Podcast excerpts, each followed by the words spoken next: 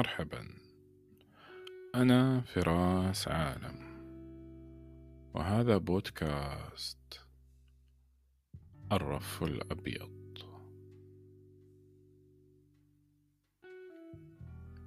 الرف الأبيض يأتيكم بالاشتراك مع محتوايز.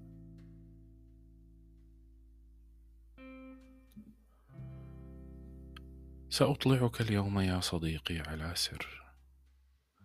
سر أحتفظ به للأصدقاء المقربين فقط.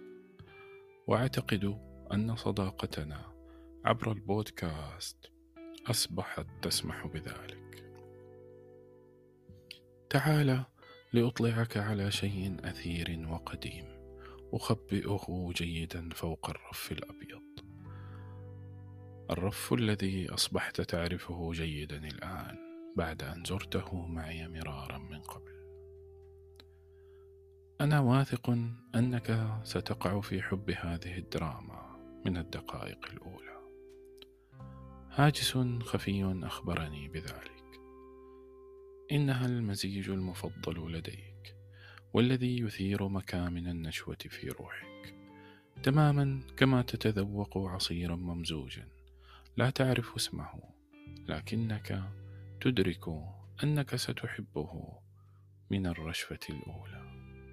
شيء ما مألوف ولذيذ ضمن مكوناته. يجعلك منجذبا دائما نحو الرشفة التالية. بعدها تأتي العقلانية التي تجعلك تحلل مكوناته. هل كانت تلك النكهة الحامضة برتقالا أم ليمونا؟ وذلك الطعم الحلو اللاذع بعض الشيء. ربما كان التوت البري أو الفراولة. وماذا عن القوام الكثيف؟ ربما هو الموز. لكنك تشعر برائحة المانجو كذلك. ربما. لم لا؟ كذلك كان موضوع حديثنا اليوم. كذلك كان هو دكتور هاوس المسلسل الأمريكي ذائع الصيت الذي يندرج تحت قائمة الدراما الطبية. الدراما الطبية التي بدأها مسلسل غرفة الطوارئ قبل عقدين ونصف من السنين ثم توالت المسلسلات الطبية من بعده.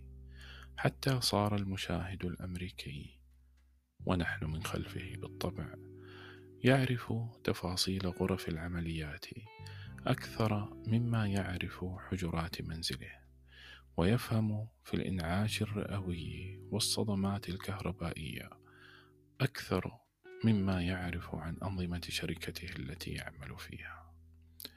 لكن ثمة شيء مخادع في مسلسل هاوس فهو على الرغم من كونه الأكثر إخلاصا لتصنيفه كدراما طبية وعلى الرغم من أن الحدث الرئيسي في كل حلقاته معضلة طبية تستعصي على التشخيص والعلاج وتدور كل المشاهد حول فك طلاسمها والتفاعل مع تطوراتها ومضاعفاتها. إلا أن ذلك ليس مصدر الجاذبية الفاتنة للدراما. ثمة نكهة حريفة وحاذقة. لم أستطع تمييز مصدرها في البداية. نكهة تذوقتها واستمتعت بها كثيرا من قبل. لكنني لا أتذكر متى وأين. شيء ما يدور حول شخصية البطل ذاته. شخصية دكتور هاوس. ذلك الخليط المعقد من العبقرية والتمرد والعذاب النفسي.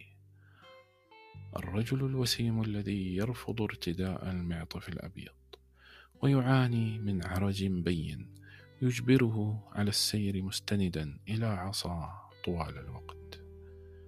حاذق ذكي قوي الملاحظة.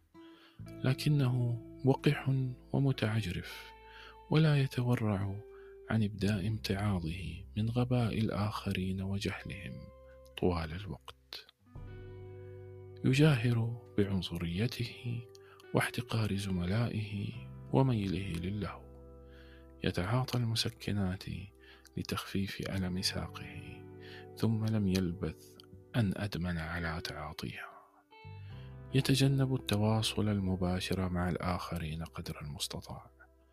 يرقب مرضاه عن بعد ويستخدم فريقه الصغير في معاينة المرضى وإجراء الفحوصات التي يطلبها. لا يتورع عن طلب أنواع غريبة من الفحوصات كالتسلل إلى منازل المرضى وتفتيش حاجياتهم بحثا عما يحتمل أن يكون سبب علتهم وطبعا يفعل ذلك سرا لأنه لا يثق في كلام مرضاه ويعتقد أن كل الناس تكذب كل الوقت وأنهم يقولون الصدق في حالات استثنائية لا يعتد بها. صديقه الوحيد الذي يثق به هو طبيب الأورام الوقور المهذب دكتور ويلسون. والذي يكاد يكون النسخة المناقضة لهاوس في كل شيء تقريبا. ما عدا البراعة في العمل وعلاقة الصداقة القوية بينهما.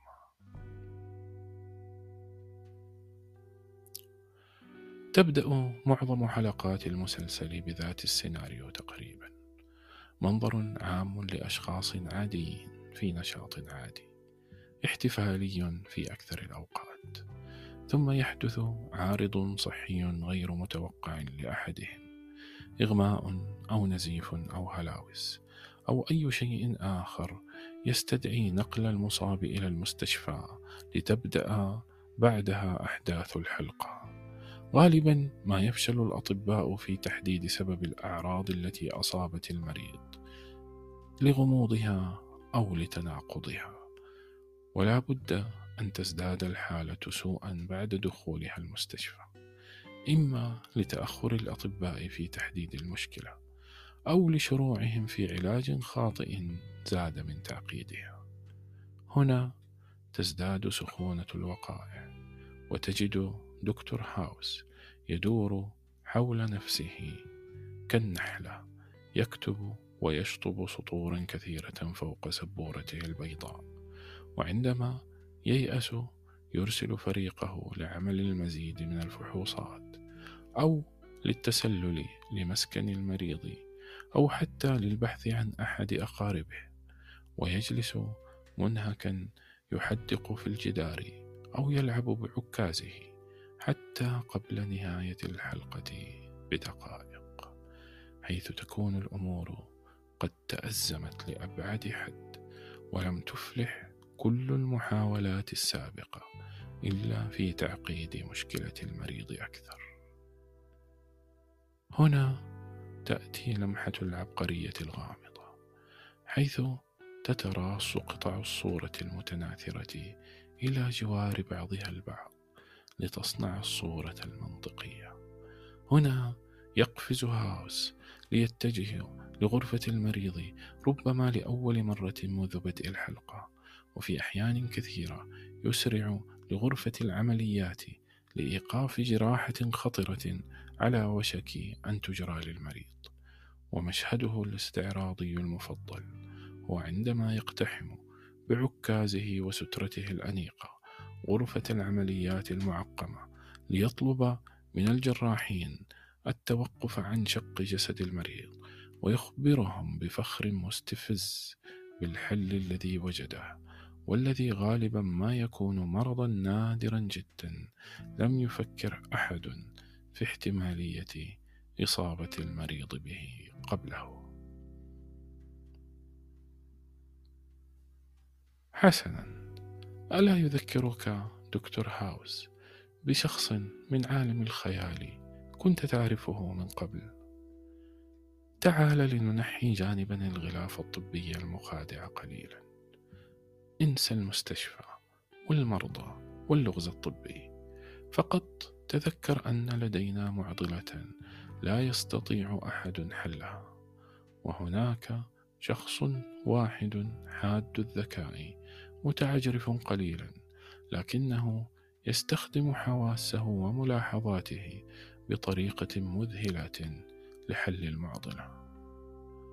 رجل يكرهه منافسوه لكنهم يلجؤون إليه لأنه بارع رجل لديه صديق واحد يفهمه ويتقبله رغم طباعه السيئة. رجل ويا للمصادفه لا يخلو اسمه من جناس لفظي مع اسم هاوس. شخصية خيالية لا تمارس الطب لكن مبتكرها طبيب. هل عرفته؟ إن كنت عرفته فبإمكانك أن تكمل الاستمتاع بكوب العصير. يمكنك أن تسترخي في مقعدك وتستحلب بقايا الطعم العالق على لسانك وتقول في ثقة إنها نكهة هولمز. شيرلوك هولمز.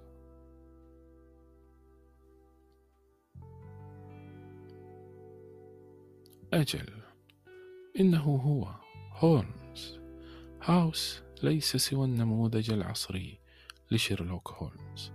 نموذج متنكر في, في ثياب طبيب لا أكثر. نفس سمات الشخصية الكلاسيكية للمخبر الأسطورة بعد أن تنكرت في ثياب القرن الحادي والعشرين. لو كنت قد قرأت شيئا من تراث هولمز لعرفت مدى فخره بنفسه واعتداده بقدراته وأناقته واحتقاره لمفتشي سكوتلاند يارد تماما كما يفعل هاوس. هاوس الذي لا يثق في كلام المرضى مثلما لا يثق هولمز في كلام عملائه حتى يحل لغز الجريمة. هولمز الذي يرفض الإيمان بالخرافات والأشباح يشبه هاوس الذي تمادى في هذا العصر ليصبح ملحدا لا يثق في معجزات الرب لكنه يثق إلى حد ما في صديقه دكتور ويلسون رغم اعتقاده بأن ذكاءه محدود لكنه يستلطفه. هل هي مصادفة أن الصديق الوحيد لشيرلوك هولمز اسمه دكتور واتسون؟ هل هناك تشابه أسماء هنا؟ هل تريد المزيد من المقابلات؟ إليك واحدة أخيرة. هاوس مدمن على نوع قوي من المسكنات. سبب له عدة مشاكل في المسلسل. ودكتور واتسون يروي عن صديقه هولمز أنه كان يحقن نفسه بالكوكايين عندما يصيبه الإحباط من الفراغ وقلة النشاط الذهني. إن كنت من الذين افتتنوا بشيرلوك هولمز فأنصحك بشدة بمشاهدة الأداء العبقري للممثل هيو لوري الذي يقوم بأداء دور هاوس فهو في نظري أفضل من نقل شخصية هولمز إلى الشاشة حتى لو ادعى أنه طبيب أمريكي في القرن الحادي والعشرين ماذا؟ هل تطلب مني يا صديقي أن أعيرك تسجيل حلقات المسلسل؟ يبدو أنك نسيت شروط صداقتنا. الإعارة ممنوعة لما فوق الرف الأبيض يا صديقي. يكفي أنني أطلعتك على السر، وأننا قضينا وقتا طيبا نتشارك متعة الحديث.